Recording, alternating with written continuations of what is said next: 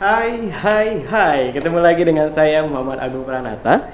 Kali ini kita sedang berada di acara yaitu UNH Menyapa. Siapa yang disapa? Ya kalian semua. Nah, hari ini tema kita adalah obrolan seputar edukasi dan inspirasi tentunya, yang mana uh, akan dibawakan santai, tidak terlalu tegang juga karena ini bukan ujian tentunya. Baik, uh, sebelumnya saya akan memperkenalkan siapa sih narasumber kita ataupun siapa yang akan kita sapa kali ini. Tentunya beliau adalah alumni ataupun lulusan dari Universitas Nurdin Hamzah. Ini dia uh, yaitu sekarang sedang bekerja sebagai staf ahli pimpinan DPRD Provinsi Jambi. Halo, Bang Rido. Iya, bagaimana kabarnya? Alhamdulillah sehat. Sehat, sehat luar dan dalam tentunya, Bang. ya? Sehat luar dan dalam. iya. Untuk Bang Rido nih, dan kan kita tahunya ya Bang Rido dulu alumni yang ada di ilmu komunikasi, benar? Ya, betul sekali. Komunikasi jurusan informasi yang ada di eh, STISIP dulu ya. Ya, Sekarang telah menjadi Universitas Nurdin Hamzah.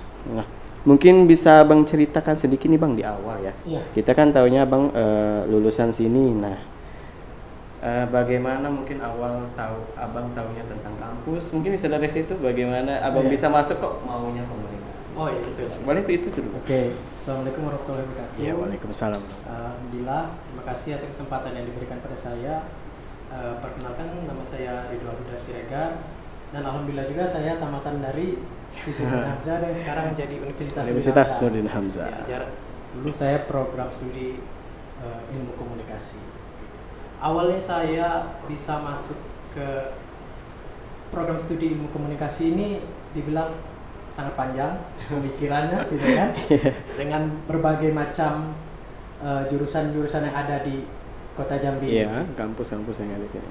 Eh, jadi saya kenapa saya tertarik di program studi ilmu komunikasi ini karena yang salah satunya yang intinya yaitu eh, kesempatan bekerja mungkin lebih luas. Kesempatan kita lingkupnya. bisa ruang lingkup. Salah satunya kita bisa masuk di pemerintahan, Iya. kita masuk bisa di pihak-pihak swasta gitu. Itu sih. Ya, selama berkuliah gimana Bang? Nyaman? Alhamdulillah nyaman dan banyak perjuangan. Tentunya sebagai mahasiswa ya, Iya. Ya. Organisasi juga diikuti nih, Bang. Ya, alhamdulillah Salah satunya, saya, Bang, apa aja organisasi? Mungkin bisa pertama pertama kali masuk eh, saya di program komunikasi saya ikut di himpunan mahasiswa ilmu Oh ya, komunikasi himpunan HMJ ya. HMJ Himakom gitu Iya. Himakom ya berjalannya waktu banyak organisasi-organisasi yang saya ikuti maupun di bidang di dalam kampus maupun di luar Di luar kampus. Yang pertama ya itu di Himakom. Eh, kedua saya ikut di Badan Eksekutif Mahasiswa. Saya sebagai eh, Menteri Olahraga dulu Menteri olahraga.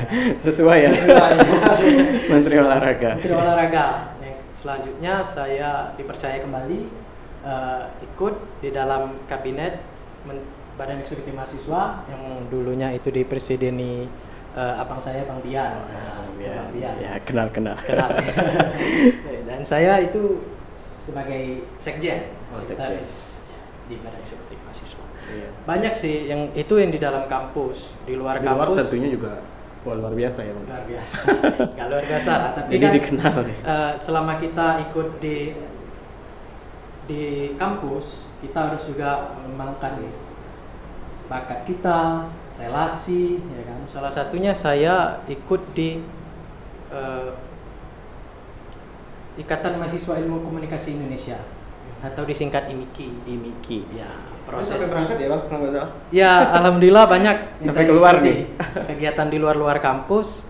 Eh, yang pertama musyawarah cabang, musyawarah, musyawarah wilayah, musyawarah wilayah kemarin di Lampung, musyawarah cabang itu ada di Palembang, dan yang terakhir itu eh Munas, Munas yang di Palembang. Yang terakhir itu di Jakar- Jakarta. Rapat Kerja Nasional Mahasiswa Ilmu Komunikasi Seluruh Indonesia. Eh, jadi Dan itu abang yang pergi, yang ya, diutus. alhamdulillah melalui kampus dan salah satunya ada juga eh, teman kita yang dibawa tuh si Dendi yang ikut. Oh, Bang Dendi. Iya, iya, iya. Banyak lah dilematika, dilematika di dalam organisasi. Luar biasa ingin banyak belajar tentunya. Ya, saya banyak dengan organisasi. Iya, saya banyak sekali belajar di dalam organisasi dan mengapa itu sangat penting bagi kawan-kawan yang mahasiswa ikut di organisasi tersebut. Di organisasinya. Iya. agar keluar nggak jadi ya sudah lulus nggak seperti itu ya Bang? Iya, salah satunya juga saya ikut di organisasi sayap partai. Oh. Salah satunya Tunas Indonesia. tentunya tetap berpolitik Ya, itu salah satu. Ya kita berproses lah. iya iya Di mana pun Karena saja kita, iya. kita berproses. politik di mana bang Politik aman-aman saja. aman penting tetap bersih nih bang ya Ya, alhamdulillah. Nah, pertanyaan berikutnya nih Bang, ini yang paling mungkin banyak dikhawatirkan oleh mahasiswa-mahasiswa. Iya.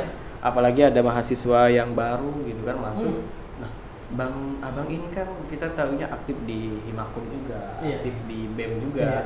Kuliah juga Kuliah. gitu. Kerja juga. Kerja juga. Iya, Sambil kerja. sambil oh, kerja. Iya, sambil kerja. Eh, jadi macam eh, seperti apa untuk membaginya agar ya semua terarah, tidak bertumburan dan diri ini percaya aku pasti bisa gitu.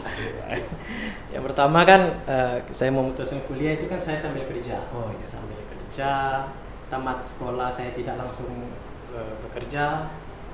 Eh tidak langsung kuliah karena setahun dulu jeda. Mengikuti banyak tes-tes yang ada lagi tersedia gitu kan. Mencari pekerjaan. Iya. Eh, pertama saya eh, memanajemen diri sendiri sih. Manajemen di dalam organisasi juga ada manajemen. Banyak sih manajemen, manajemen konflik, manajemen apa saja gitu kan. Ya kita bisa pandai-pandai membagi waktu, gitu. pandai-pandai membagi waktu. Karena saya itu waktu kuliah dari semester 1 sampai semester alhamdulillah saya semester 7 selesai. Alhamdulillah. Semoga bisa seperti itu ya. sampai semester 7 itu saya bekerja part time bekerja part time yang pertama saya dari pagi sampai sekitar jam 3an sampai jam 4 saya kerja di salah satu home industry UKM keripik pisang Pak Da- Pak Oh. Dharma Jaya Oh iya iya tahu tahu tahu tahu. ya itu di situ di samping saya mencari uang bisa menambah pul nambah nambah biaya kuliah. Di situ kan ya kepuasan tersendiri lah kita. Itu ikut juga organisasi gitu kan. Iya. Ah, kita membagi waktu ya kadang Sambil kita ya, minta izin juga gitu kan kadang jamnya nggak ketemu kita minta izin juga Eh, dan tuh banyak lagi lah salah satunya yang itu yang paling penting itu ya mer- merorganisir bagi-bagi pandai-pandai membagi waktu Pandai, pandai memanajemen itu iya semua. manajemen waktu sih Iya. Nah ini satu nih yang paling penting bang. Ah, Dan saya mungkin juga pengen seperti abang. Ah, gimana? Sebagai mahasiswa kebetulan jurusan sama yang Iya, betul. Nah abang pada saat itu kalau nggak salah saya itu mendapatkan peringkat kumlot. Iya, ini sungguh luar biasa nih bang. Aktif organisasi, bekerja part time gitu Iya. kan. Di kampus juga tetap berkuliah dengan baik, nilai Ah. baik dan sekarang mendapat peringkat kumlot. Itu seperti apa bang? Wes. Eh, sebenarnya ya dibilang proses hidup itu proses ya. Banyak yang saya lewati ketika saya memutuskan untuk kuliah sambil bekerja. Sebenarnya itu sangat berat sekali. Iya bingung sedikit. Membaginya juga. sangat bingung sekali gitu Iya. kan. Ya karena eh, kita dari keluarga yang berkecukupan. Karena untuk kuliah ya dibilang itu ya sangat berat sekali dulu waktu pertama kali. gitu. Tapi sembari menjalan waktu Alhamdulillah ada aja rezekinya Ngalir nih. ngalir rezekinya untuk jajan ada untuk bayar rupiah Iya. ada gitu kan Eh, yang paling penting sih eh, kita di dalam bisa untuk bidang organisasi sama bidang akademis ya itu salah eh, pertamanya itu kuncinya itu ulet tekun ulet dan tekun kalau kita contohnya Yeah. kita di dalam eh, kuliah Seperti- banyak seperti tugas Iya, pernah dengar kayaknya ulat dan dan tekun. Iya, iya. jadi eh, saya kenapa kenapa saya bisa kumlot yaitu mungkin buah jerih payah buah jerih payah saya Sembari rezeki dari perjuangan juga ya. itu sih Berapa orang bang pada pada saat itu abang eh, maksudnya ada teman juga yang sama organisasi dengan abang juga kumlot? Ada? ada salah satunya eh Risma? Eh, iya ya? Bang mungkin bang Amin ya itu kan Oh, lupa Amin. saya gitu kan itu sangat ya mengapresiasi diri sendiri ketika kita berorganisasi Mungkin di itu sisi akademiknya Kuncinya kita harus dicari seperti apa? kuncinya yaitu proses Organisasinya lancar, Iya. kuliahnya lancar, di akhir ketika lulus kumlot. Itu bangganya orang tua bang. Iya. Tentu sangat bangga orang tua. Nah, oke Bang, terima Nah. kasih untuk itu juga untuk eh, bagaimana i- bisa menjadi kumlot walaupun tetap aktif dalam berorganisasi dan perkuliahan kampus yang kita tahu eh, susah untuk memanajemennya bagi se- bagi seberapa orang gitu kan. Mungkin juga bagi Abang dulu agak susah, tapi sembarinya waktu berjalan dan alhamdulillah bisa dimiliki. gitu. Iya. Sekarang bekerja, Ya, alhamdulillah saya udah sudah bekerja. baru lulus langsung Iya. Wah, luar biasa.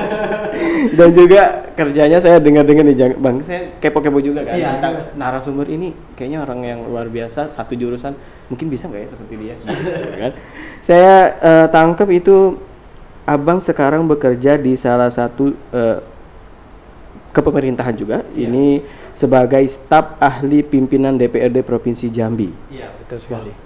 Itu seperti apa Bang?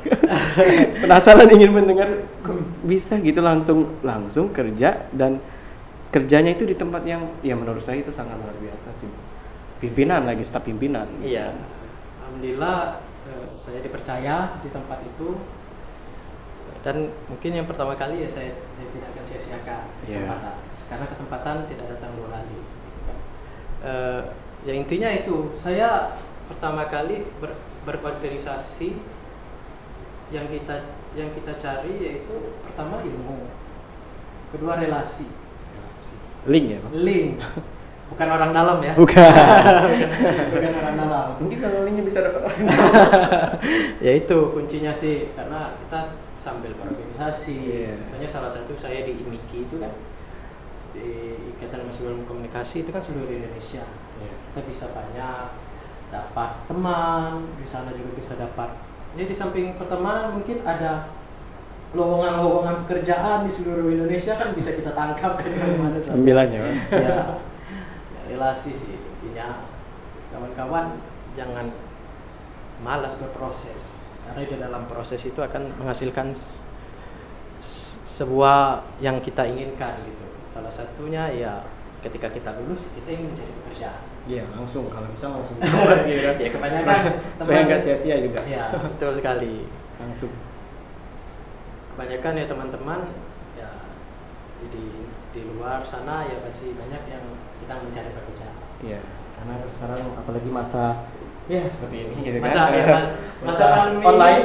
dibilang masa pandemi masa tersulit Iya. bagi semuanya Bagi seluruh seluruh insan apa pun Iya. itu profesinya itu betul tersulit. sekali pemerintahan kah ya pemerintah maupun pihak swasta kan banyak sekarang yang ya dibilang mengurangi karyawan Ada yang tutup juga. tutup juga Iya, uh, pandemi. PHK di mana-mana gitu. Ya, ini kan bukan masalah di Indonesia juga tapi Iya. masalah di dunia juga. Di luar juga. iya Negara-negara yang merasakan dampak dari uh, masa Covid ini tentunya, Bang. Nah, selanjutnya nih, Bang, uh, kita kan tahu Abang lulusan dari ilmu komunikasi. iya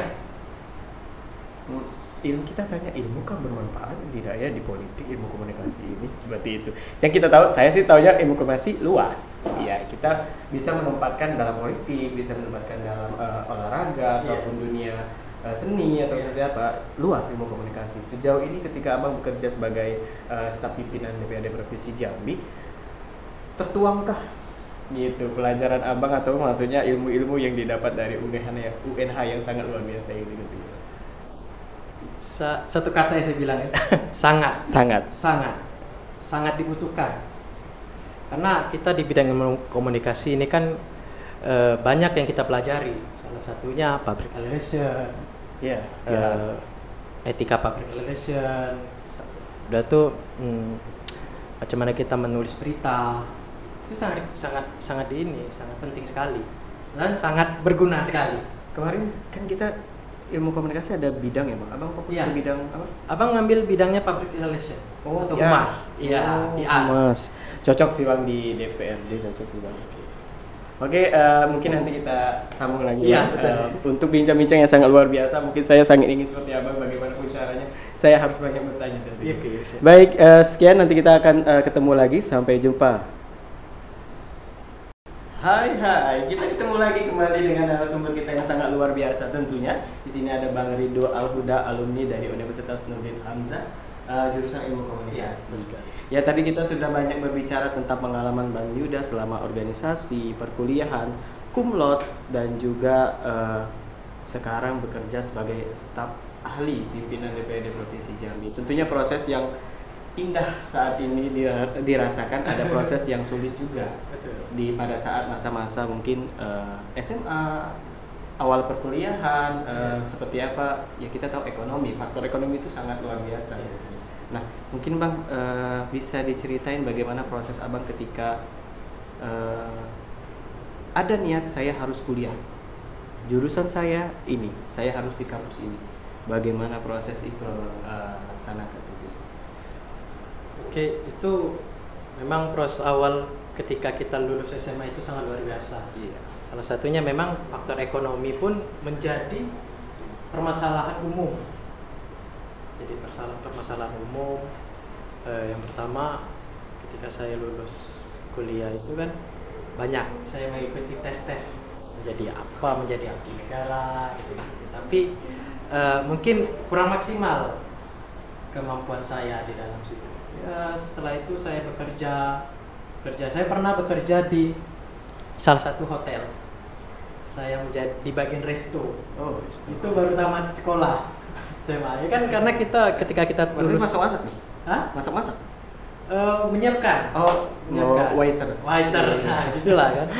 Eh, karena kan kita lulus SMA itu kan kita salah satunya soft skill atau skill pun kita dibilang kurang jadi kita banyak mencari pengalaman ketika kita bekerja pun itu pengalaman pertama kali gitu kan iya pertama kali pengalaman pertama kali saya bekerja di salah satu hotel setelah hotel tuh saya berhenti berhenti kenapa karena saya mau ikuti lagi nih tes jadi negara jadi harus ada yang dikorbankan kalau kita mau ya, jadi ya abdi. benar benar.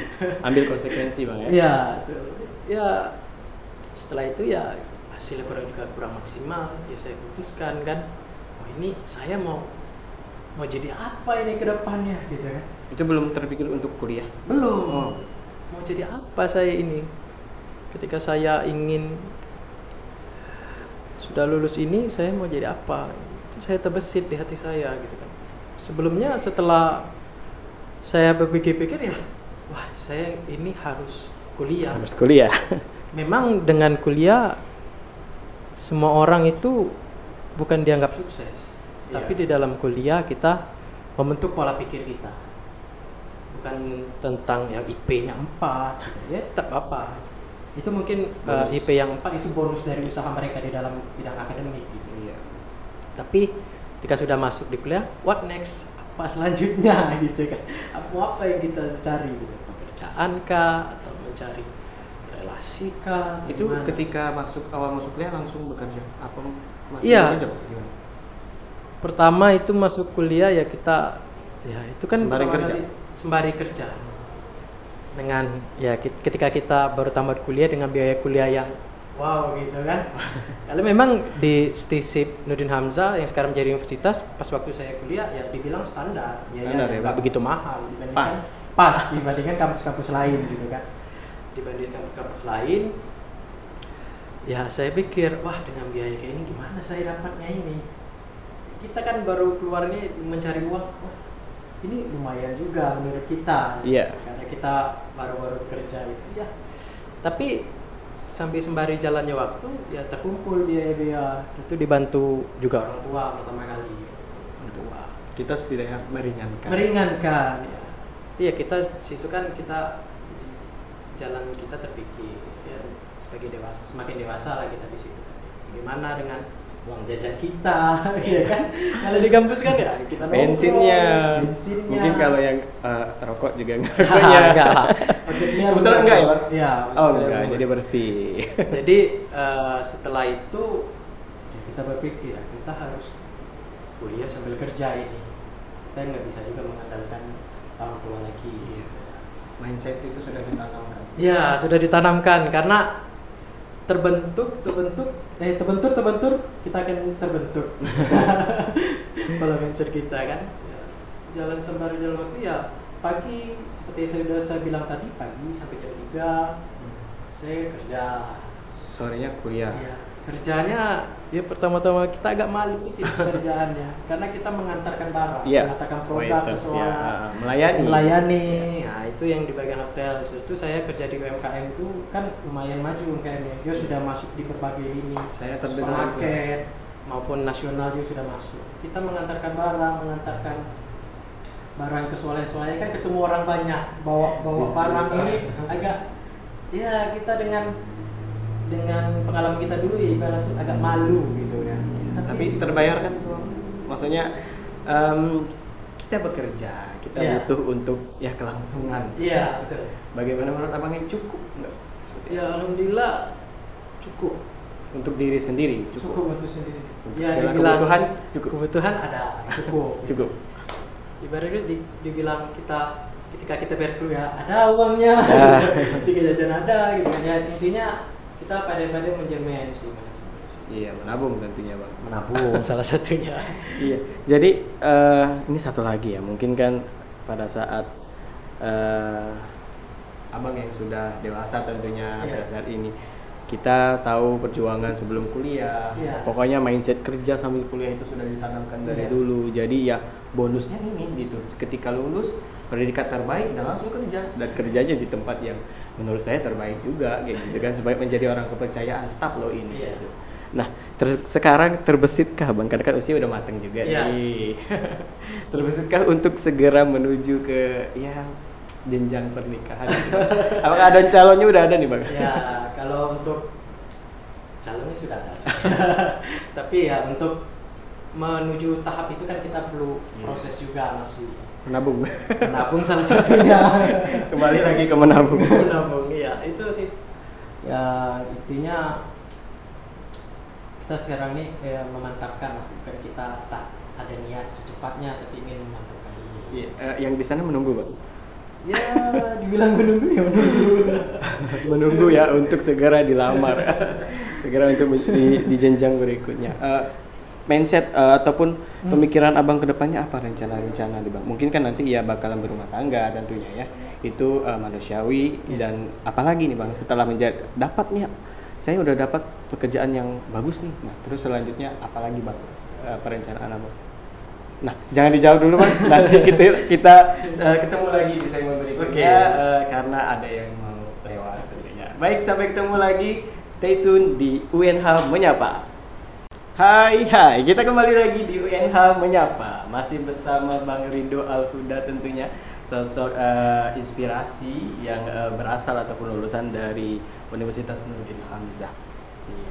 Ini Bang, saya sempat terpikir gimana memanajemen sebuah hal Hal eh, antara perkuliahan dan juga organisasi yang saya tahu abang tadi ada sedikit bercerita tentang keberangkatan eh, keluar dari eh, provinsi Jambi tentunya pada situ ke mana bang? yang paling jauh itu ke Jakarta Oh Jakarta itu eh, Imik Imiki. iya ini iya Imiki. Rakernas Rapat Kerja Rakernas. Nasional Wah luar biasa. Nah di situ kan pasti ada proses eh, pendanaan juga Iya. di sana. Bagaimana acara di sana, eh, feedbacknya juga untuk abang mewakili kampus dan feedbacknya juga untuk kampus tentunya. Mungkin bisa sedikit berbagi cerita itu. ya ketika Pahit-pahitnya nih bang. pahit-pahitnya ya ketika kita eh, salah satu yang berkoordinasi organisasi eh, kita ingin di suatu wadah contohnya saya kan dulu dari stisip ya ingin membanggakan stisip lah dengan cara kita bisa mengikuti kegiatan tersebut dan mengibarkan bendera kita di sana Memperkenalkan. ya memperkenalkan bahwa di Jambi itu ada eh, program studi ilmu komunikasi dan salah satunya dan satu-satunya juga di STISIP yang sekarang menjadi universitas. Iya. Nah itu ya awal-awal ya kita pengajuan dana ya itu kan Itu pengajuan kampus dana. diajuin juga dana. Iya, ada sponsor dari luar? Eh, nggak ada Oh, kemarin. murni dari Ya jadi eh, dibantu dengan dana pribadi kita mengajukan ke kampus ya dengan dulu eh, agak defisit ya. Eh, waktu itu kan banyak juga kegiatan jadi Iya. kan dipilah-pilah. Mana yang kegiatan ini kegiatan ini jadi di, udah diporsi-porsi lah gitu. Ketika kita mengajukan eh, biaya ya keluarlah biaya ini. Dengan eh, ya kita bilang ibarat kita bilang pas-pasan pas-pasan. Jadi ketika kita ingin ikut berangkat nih kita harus berangkat kita harus berangkat karena ini momentum seluruh Indonesia kita perwakilan dari Jambi Dan- ilmu komunikasi. Oh, ilmu komunikasi salah satunya di Jambi. Ya banyak yang ilmu komunikasi tapi kan nggak murni. Jadi itu Ya, ketemu Islam. sama semua prodi ilmu komunikasi di Indonesia. Ya bertemu, bertemu kita semua. Kita ketemu orang Aceh, ketemu orang Papua, Kalimantan. Ya, Itu salah satu pengalaman yang tak bisa saya lupakan. Karena eh, apa ya? Momentum dan eh, suasana di sana itu kan berbeda. Kita eh, sidang di sana, sidang untuk kepengurusan kan itu eh, emosionalnya kan tinggi di sana kita bertemu kepada Banyak watak ya. Wah, banyak. Iya, banyak mata. Banyak yang banyak logat. Iya, logat. Itu banyak gitu kan. Eh, perjalanan ya kita eh, dengan biaya terbatas ya kita berangkat dengan menggunakan bus pertama kali untuk Oh, menuju ke Jakarta. Berapa orang kemarin? Ya kemarin kita cuma bisa berangkat dua orang sama Oh, Bang. Salah satunya itu Bang, mahasiswa komunikasi juga. Ilmu komunikasi juga. Iya. Ya ceritakan sedikit lah tentang perjalanannya dibilang ya Iya. menyenangkan juga. Tapi Makan mie instan Bang. ya salah satunya gitu. Karena biasa untuk kan itu yang paling ya instan gitu. Iya, murah. instan dan biayanya juga ekonomis. Pas. Pas, itu ketika dananya terbatas, ya kita harus putar otak lagi nih. Gimana kita untuk besok ini? Kita udah harus pisahkan. Jadi ya kita nggak di selama di jalan menuju Jakarta kita nggak makan di rumah makan, nggak makan di rumah makan. Eh, bus tetap nih Bus stop. eh, singgah gitu ya. Iya, Istirahat makan. iya. Abang dan eh, satu lagi enggak turun? Dendi, si Dendi. Ah, Saya ingat sekali si Dendi. Nggak turun? Itu nggak turun. Oh, turun. Tapi bawa bekal. bawa bekal. Oh, jadi mau persiapkan. Mau persiapan. Oh, itu tahan selama waktu tempuh perjalanan itu. itu eh, lauk tersebut tahan karena apa ya tidak, tidak, lauk tidak basah. tidak tidak basah Kering. Seperti ya oseng tempe Oh, iya, tahan. tahu cabai Iya, itu kering pakai kecap ya kan Iya, tahan. tahan ya kan ya. mungkin ketika mungkin nasi basi ya kita beli aja nasi Nasi. Gitu. Ya, Berapa kita kali? makan sekitar tiga kali itu menuju Jakarta itu ya tiga kali berhenti bus ya kita si Dendi itu kan ya dan kita kita makan di luar aja gitu kan kita nikmati ya angin sepoi-sepoi kita makan kita nikmati gitu karena ketika kita tujuan kita kan ketika tujuan kita sudah kita rencanakan ya apa pun hambatannya ya kita minimalisir semua mungkin gitu pembiayaan ya intinya ada ongkos yang kita berangkat ke sana Udah dipikirkan Bang. iya dipikirkan Apa-apa manajemennya udah jelas. iya gitu. sampai di Jakarta pun alhamdulillah pihak panitia pun welcome ya kan Welcome. Welcome. Dia uh, sampai Jakarta kan gini. Kita tahu mungkin Jambi tidak terlalu dikenal. Ya, saya tahu ya, betul. mungkin tidak terlalu ya, Bang. Iya. Tahu, orang tahu Jambi, sebagian orang tahu Jambi. Nah, ketika ketemu bagaimana? Ya tadi uh, penyambutan mungkin Hmm. ya ini ada dari Jambi ya, halo Iya. gitu. Dengan bahasa kita yang Iya, Melayu oh ini, iya. mungkin Abang sudah memperkenalkan bahasa di sana. ya salah satu bahasa kan karena kita memakai bahasa sehari-hari ini kan Iya. ya itu yang terceplos di sana gitu kan. oh nih, Bang. Oh, oh ya. Ke mana ke mana gitu. gitu kan? Gimana tuh, Bang? Tanggapannya? Ya, mereka agak ini dikit ya. Agak bingung sedikit gitu. Tapi kan Tapi mengerti. ya kita kan agak 11 12 sama bahasa Indonesia Ya, kan. cuma bedanya itu. Iya, itu. Banyak ya dari kawan-kawan ya ketika mereka aja kita keluar ada yang menggunakan bahasa Madura, ada yang menggunakan bahasa Papua. Di Jakarta ya kita kan agak ngerti gitu Iya. kan. Ada yang menggunakan bahasa Medan dan Aceh ya kita sempat bingung gitu kan. Wah, begini eh, situasi di sini, situasi ini. Bertemu dengan Bertemu dengan berbagai macam Beda. suku gitu kan. Dari Sumatera sendiri aja banyak, banyak. Eh, kalau dari Sumatera, provinsi lain tetangga banyak. Eh ada yang ikut juga, maksudnya banyak yang ikut Bang. Iya, kalau di provinsi-provinsi selain Jambi banyak. Dari Medan Aceh, tadi ya? Aceh sampai Lampung itu ikut semua. Ada? Ikut, ada semua. Ada semua. Kita Jambi kan. Eh, ya itu seperti Agung bilang tadi, orang mengenal Jambi kan. Ya ketika saya pertama kali ke sana memperkenalkan diri, Jambi itu di mana? Iya. Orang kan nggak tahu titik letak seperti itu kan. Jambi itu Palembang ya. Iya, kebanyakan seperti itu. Jambi itu itu di mana? Sumatera mana? Iya. Karena ada Sumatera Utara, Sumatera ada Selatan. Selatan, Sumatera Barat. Itu Itu mereka di ya mana gitu? agak bingung kita pun agak menjelasinya Iya. kan ya agak panjang-panjang dikit kan di mana tempat Jambi itu oh sini Eh, Sebelah ini. intinya kalau kita mengenalkan kepada hmm, apa namanya daerah-daerah lain ya kita ikon aja sebut oh, Jambi itu di mana katanya tahu Gunung Kerinci saya bilang Tahu. Rata-rata banyak yang Iya, karena kan mahasiswa ini kan ada yang eh, pendaki, ada Itu yang sangat terkenal dari Iya, Jambi ya? Ikon-ikon Jambi lah, seperti kita di kota Jambi ada Genta Laras, Genta Laras si eh, Candi Muaro Jambi. Ya, ketika Candi. kita sebutkan itu, oh itu di Jambi katanya. Seperti itu. iya, itu di Jambi ya katanya. Itu di Iya, saya Jambi. bilang itu di Jambi. Gitu, kan. Mungkin pikiran mereka itu di mana? Ada tertutup. Oh, saya ya kira itu di kan karena mereka bilang kebanyakan orang bawa narasi Jambi itu ya di Palembang gitu. Oh, Palembang. Itu Jambi itu kabupaten ya katanya. itu itu saya pikir kan. Jambi sebesar ini Iya. ada 11 kabupaten kota, dibilang kabupaten juga. Itu kan di kalangan mahasiswa. Iya. di kalangan mahasiswa. Mungkin ya ya belum kenal. Iya. Jadi memper, abang memperkenalkan di sana dan Iya, bagaimana kita- uh, feedbacknya untuk abang yang selaku wakil Jambi ini? Ya ketika kita di sana ya mereka mahasiswa kan welcome.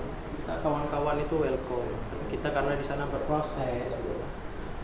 banyak tempat yang kita kunjungi ya di samping kita eh, rapat kan ada eh, sesi-sesi jalan-jalannya gitu kan itu bonus lah gitu kan tetapi kan kita ada tujuan di sana dan alhamdulillah ketika kita rapat pun rapat kerja nasional itu ya alhamdulillah saya bisa dipercaya menjadi anggota anggota peng- pengurus pusat Oh, bidang langsung ya. ya bidang advokasi gitu kan dan suatu kebanggaan ketika eh, lambang kampus kita tertempel di kepengurusan nasional itu kan suatu kebanggaan Ya. itu waktu pas kita menjadi mahasiswa Hal itulah yang diingat oleh membara-bara. adik-adik ini gitu. Iya. Pernah lo sampai sana lo Hmm. gitu.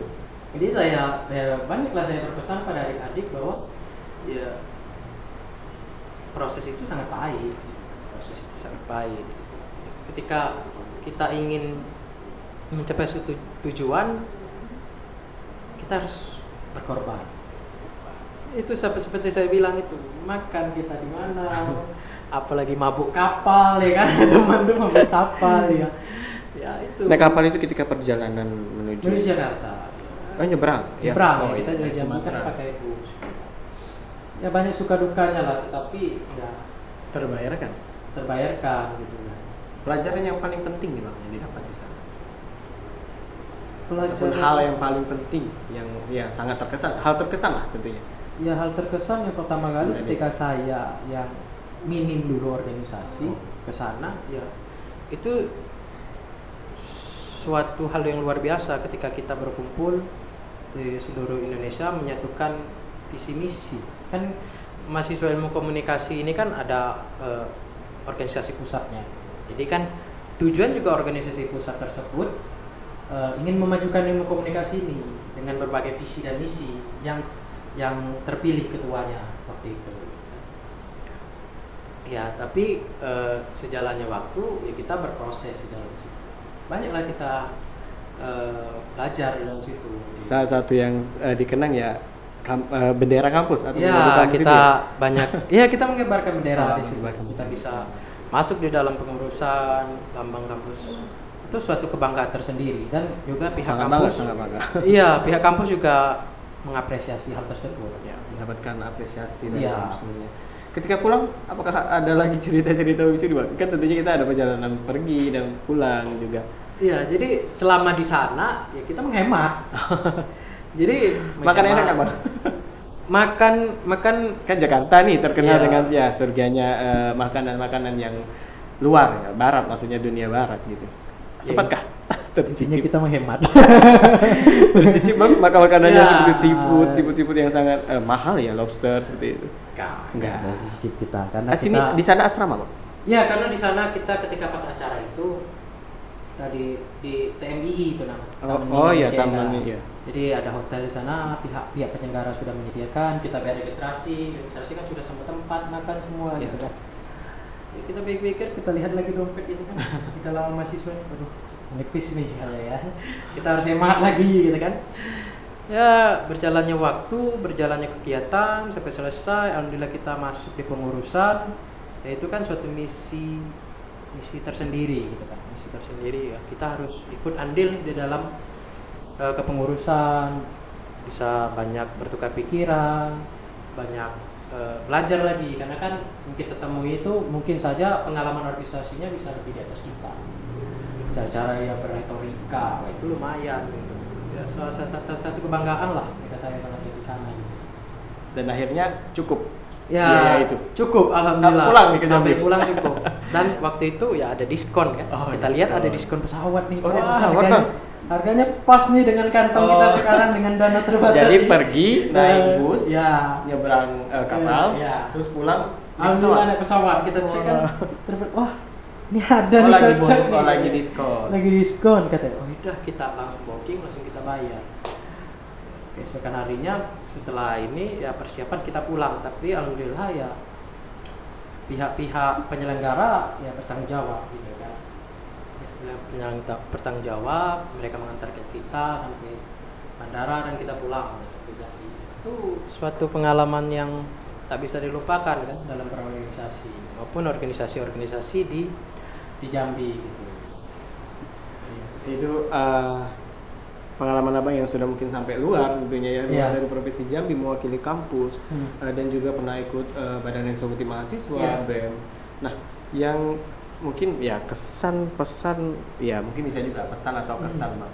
Gimana harapan abang? Abang kan sebagai alumni dari badan eksekutif mahasiswa. Kita kan pada saat ini sedang uh, pemilihan Oh pemilihan? Iya, Badan Eksekutif Mahasiswa oh, iya, untuk kampus yang telah berubah menjadi universitas, universitas dari iya. sekolah tinggi. Mungkin sarannya, wejangannya untuk para kandidat-kandidat. Ya, untuk para kandidat ini kan ada dua. Ya. Ada dua paslon. Ya pesan dan ke, pesan saya sih kepada eh, kandidat untuk Universitas Negeri Hamzah ini ya ciptakanlah visi misi yang banyak menguntungkan mahasiswa dan banyak juga untuk mengembangkan kreatif kreatif mahasiswa. Apa jadi kita jadi apa ya? Jadi wadah. Wadah penyambung. Wadah penengah wadah penyambung dalam uh, kampus. Apalagi untuk kemajuan mahasiswa tersebut. Jadi ya berdemokrasilah secara secara secara sehat. Dan yang paling penting siapa pun nanti yang terpilih itulah pemenangnya dan yang kalah pun tetap ikut andil untuk kemajuan kampus. Pasti itu, tetap uh, berpengaruh juga ya, untuk kinerja uh, dari kampus. Iya, kita sangat itu peran. Saya juga pengalaman dulu kan. saya kan dari udah um, dari Menteri Olahraga, ya. mungkin ya naik setidaknya ke sekjen. Ya. Gitu. Berarti dipercaya nih bang. Nah, itu, itu sih kan. Ya, saya juga menyempat mencalonkan juga jadi presiden. ya, Sempat mau naik jadi ya, mahasiswa juga. Mahasiswa ya tapi gagal ya kan. Tapi ya tak apa itu kan proses pembelajaran gitu. Itu sih. Oke, uh, mungkin itu bincang yang uh, kita lakukan ataupun sedikit inspirasi dan edukasi dari narasumber yang sangat luar biasa ini ya Mbak Rido yang yeah. selaku alumni dari uh, STISIP ya kemarin uh, jurusan ilmu komunikasi yang sekarang telah berubah menjadi universitas. Tunggu suatu kebanggaan bagi abang yang telah menjadi alumni dan juga saya yang masih ya. sedang uh, meniti pendidikan di sini. Terima kasih bang uh, atas keluangan waktunya yang sibuk yang sedang bekerja di staf uh, pimpinan DPRD ya. Provinsi Jambi. Jadi uh, kesimpulan kali ini uh, dalam UNH menyapa seperti pengalaman yang hmm. telah Bang Rido dapatkan mungkin uh, dari saya juga sendiri yang telah mendengarkan apa yang telah disampaikan Bang Rido, pendidikan dan organisasi apabila kamu bisa memanajemennya, kamu akan berhasil. Mungkin Betul. itu kunci yang paling ya. Mungkin dari Bang Rido kesimpulan ya. untuk kita. Intinya kepada kepada adik-adik mahasiswa maupun di Fakultas Ilmu Sosial dan Fakultas Ilmu apa ini ya? Teknik yang ini? Filkom ya. Filkom ya. Filkom. Ya intinya jangan jangan berhenti menjadi mahasiswa kupu-kupu ya, kuliah ya, pulang. kuliah pulang ya tetapi ya itu kembali ke pribadi masing-masing yeah. kita hanya menyarankan ya dan menyarankan bahwa sangat penting organisasi dalam membentuk karakter kita sangat penting dalam organisasi juga kita bisa banyak mengambil pelajaran. Intinya eh, kawan-kawan jangan putus asa, jangan menyerah dan eh, masa depan kita masih panjang. Oke, sungguh inspirasinya sangat luar biasa. Mungkin terima kasih Bang atas Ya. waktunya juga uh, telah hadir di dalam podcast UNH Menyapa ini. Siapakah nanti narasumber berikutnya untuk kita uh, di next episode? Terima kasih kembali lagi Bang untuk Bang Rido. Iya. Jadikan Bang Rido sebagai motivasi kalian dan inspirasi kalian untuk bisa mendapatkan apa yang didapatkan oleh Bang Rido. Mungkin saya juga ingin seperti itu. Baik, sekian dari kami, sekian dari saya juga. Apabila terdapat kesalahan uh, pada saat penyampaian dan juga tata bahasa, saya mohon maaf. Sekian dari saya. Wassalamualaikum warahmatullahi wabarakatuh. UNH menyapa.